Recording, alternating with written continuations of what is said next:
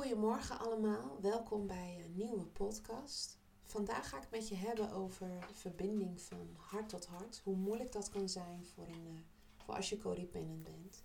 Want dan heb je vaak of uh, bindingsangst of vermijdingsgedrag. Of je zit juist in een relatie dat jij bindingsangst hebt en je partner bijvoorbeeld vermijdingsgedrag.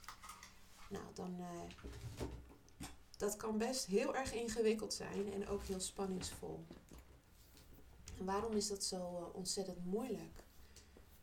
Dat komt omdat een codependent niet heeft geleerd, die kan haar emoties niet goed definiëren. Dus dat wil zeggen dat je niet hebt geleerd om je emoties te benoemen. Dus je weet eigenlijk niet goed, ben ik nu, ben ik nu boos of voel ik me machteloos? Of voel ik me juist heel erg verdrietig of eenzaam? Of ongelukkig of depressief? Snap je al natuurlijk een tal van emoties en gevoelens en dat loopt allemaal door elkaar heen. En op het moment dat er op jouw knopje wordt gedrukt, dat je getriggerd wordt, dan kan je vaak niet erbij wat je voelt. Dan voel je vaak helemaal overspoeld zo in één keer. Dat kan zo patsboom in één keer gebeuren. Als je niet goed je emoties kan definiëren, dus je kan niet goed vertellen aan jezelf of aan de ander, maar eerst aan jezelf van hé, hey, dit is wat ik voel, dit is wat het met me doet. Dan kan je natuurlijk ook heel moeilijk voor jezelf zorgen. Laat staan een ander. Dus als jij zelf eerst goed kan voelen en weten en definiëren en vertellen, dit is wat ik voel, dan weet je ook wat je nodig hebt. Dus stel, ik voel me onzeker. Ik ben met iemand aan het praten en diegene, ik, ik voel me gewoon onzeker uh, wat diegene over mij vertelt. Nou, ik herken dat gevoel van hé, hey, ik voel me onzeker. Ik kan ervoor kiezen om, dat, om me kwetsbaar op te stellen, dus door dat te vertellen. Dus ik kan bijvoorbeeld zeggen van nou, en let op, ik praat vanuit de ik-vorm.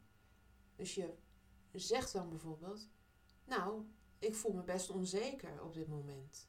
Of dit maakt mij best onzeker. En hoor je dan ook eigenlijk dat ik niet zeg: Jij maakt mij onzeker. Want dat is weer heel beschuldigend en dat is ook veroordelend en dat zet meteen het gesprek op scherp, maar zet ook het gesprek vast. En dat wil jij ook niet.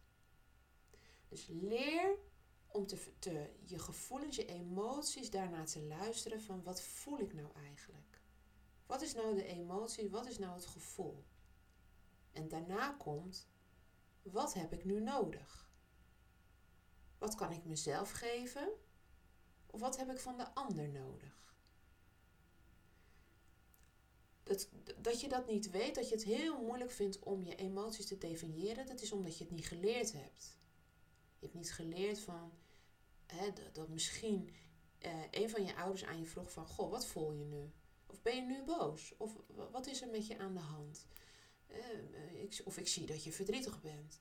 Dat is er misschien niet geweest. Dus je hebt heel erg buiten jezelf geleefd. Dus je, je authentieke ik, hè, dat is dus het innerlijke kind ook wel genoemd. Dus het overlevingsmechanisme uh, wilt het innerlijke kind continu beschermen. Dus die, die, die staat er eigenlijk voor. Dus het innerlijke kind voelt zich onbeschermd, onbegrepen. Uh, ja, wil schuilen in jou, is niet opgegroeid. Dus die zit daar.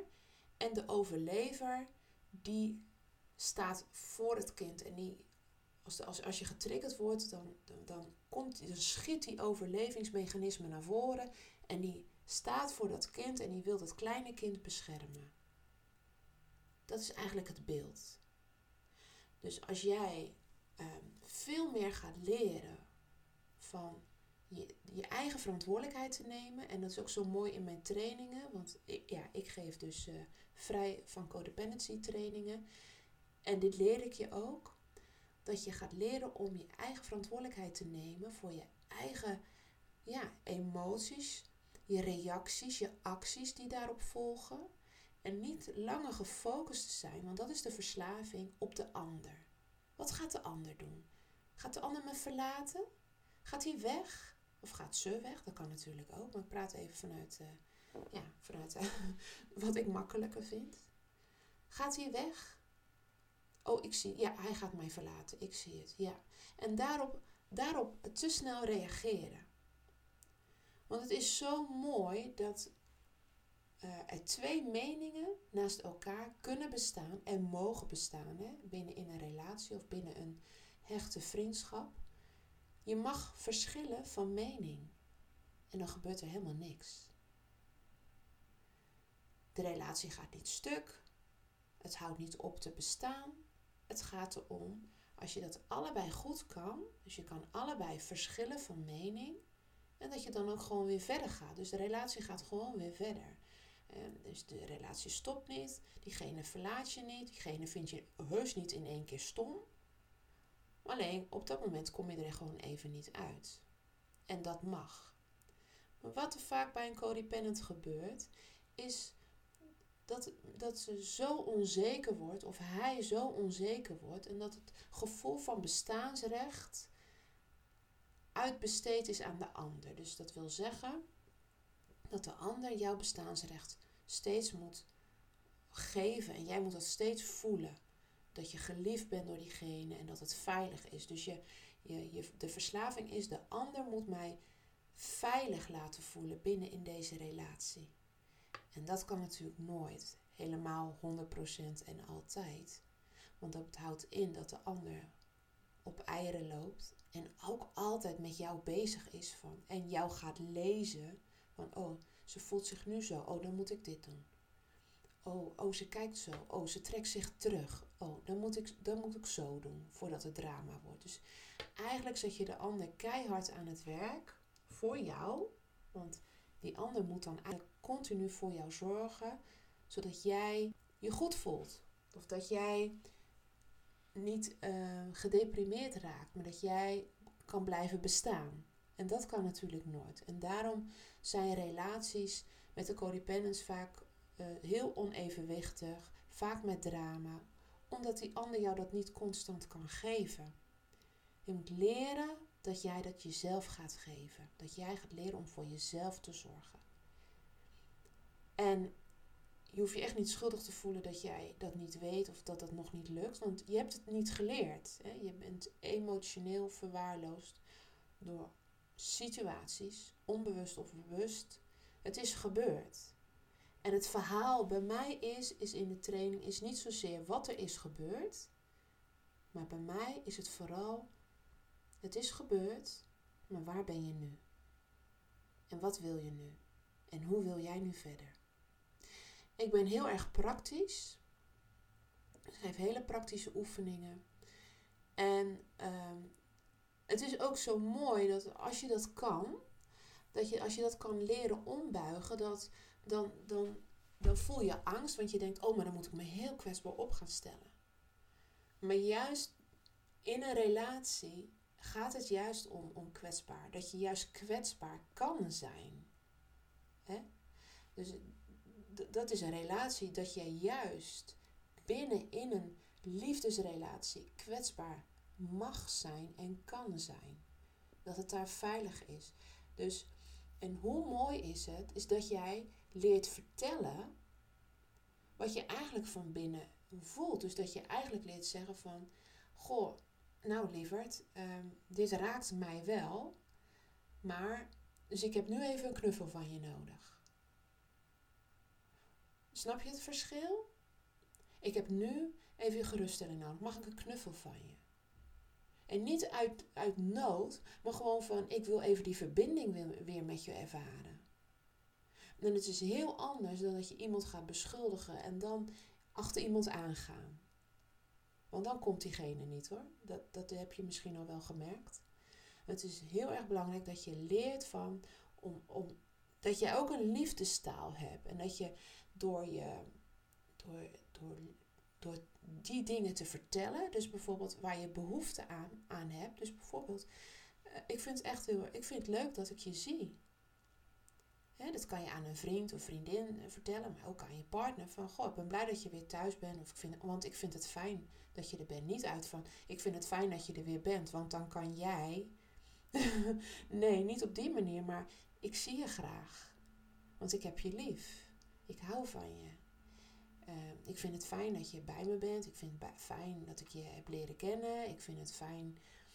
Uh, ik ben dankbaar dat we samen kunnen eten. Uh, ik, vind het, ik vind je lief. Ik vind je aardig. Ik, ik vond het zo leuk dat je gisteren dit voor me deed. Dat, dat doet me goed. Snap je? Dus veel meer zelf um, vertellen wat je aan die ander leuk vindt en aardig vindt. En niet uh, vanuit controle maar vanuit ontspannenheid en vanuit liefde. Zodat je ook de, de band ontspannen maakt. En als je partner niet meteen goed reageert, geef het niet op. Want die, de, de partner is dat niet gewend van jou, dat je op die manier spreekt. Dus die zal ook wel denken van, wat gebeurt er nu allemaal? Maar geef het de tijd. Geef elkaar ruimte. Want als jij vrij bent van codependent zijn, dan betekent dat er ook een soort verschuiving in je relatie komt. Want dan komt er ruimte voor de ander om er ook gewoon te mogen zijn. Ja? En er komt een stuk ontspanning. Maar het kan ook zijn, want de ander wordt dan ook teruggeworpen op zijn of haar verantwoordelijkheden voor zijn acties en, acties en, en emoties. En dan word je elkaars aanvulling in plaats van invulling. Nou, hiermee ga ik afsluiten. Ik hoop dat je er wat aan hebt gehad. Ehm, ja, ik nodig je ook uit om te reageren op mij. Ehm, als je behoefte hebt aan een training, één op één, dan kan dat. Neem dan contact met mij op. Ehm, ik ben op Facebook te vinden, vrij van codependency. Dat weten jullie dan inmiddels. En er staan ook mijn contactgegevens. Uh, je mag een vrijblijvend gesprek met me aanvragen. Je mag me ook mailen. Mijn mailadres staat er ook op. Uh, binnenkort ga ik beginnen met kleine groepen uh, ja, trainingen te geven in kleine groepjes. Uh, ik ben daar nog mee bezig. Maar als je interesse hebt om samen in een groepje te werken, want dat werkt vaak ook heel motiverend. Want ja, we zijn allemaal op dezelfde weg van herstel. En het kan uh, samen bindend zijn, samen de oefeningen te doen. We gaan niet zozeer praten over wat er allemaal is gebeurd, dus dat is veilig. We gaan praten van: oké, je bent codependent, het is heel moeilijk en vervelend, je wilt er van af en daar gaan we nu aan werken. Je gaat de weg van herstel op, zodat jij een gezonde relatie met jezelf aan kan gaan en daardoor ook met anderen. Nou, bedankt voor het luisteren en tot de volgende podcast. Hoi!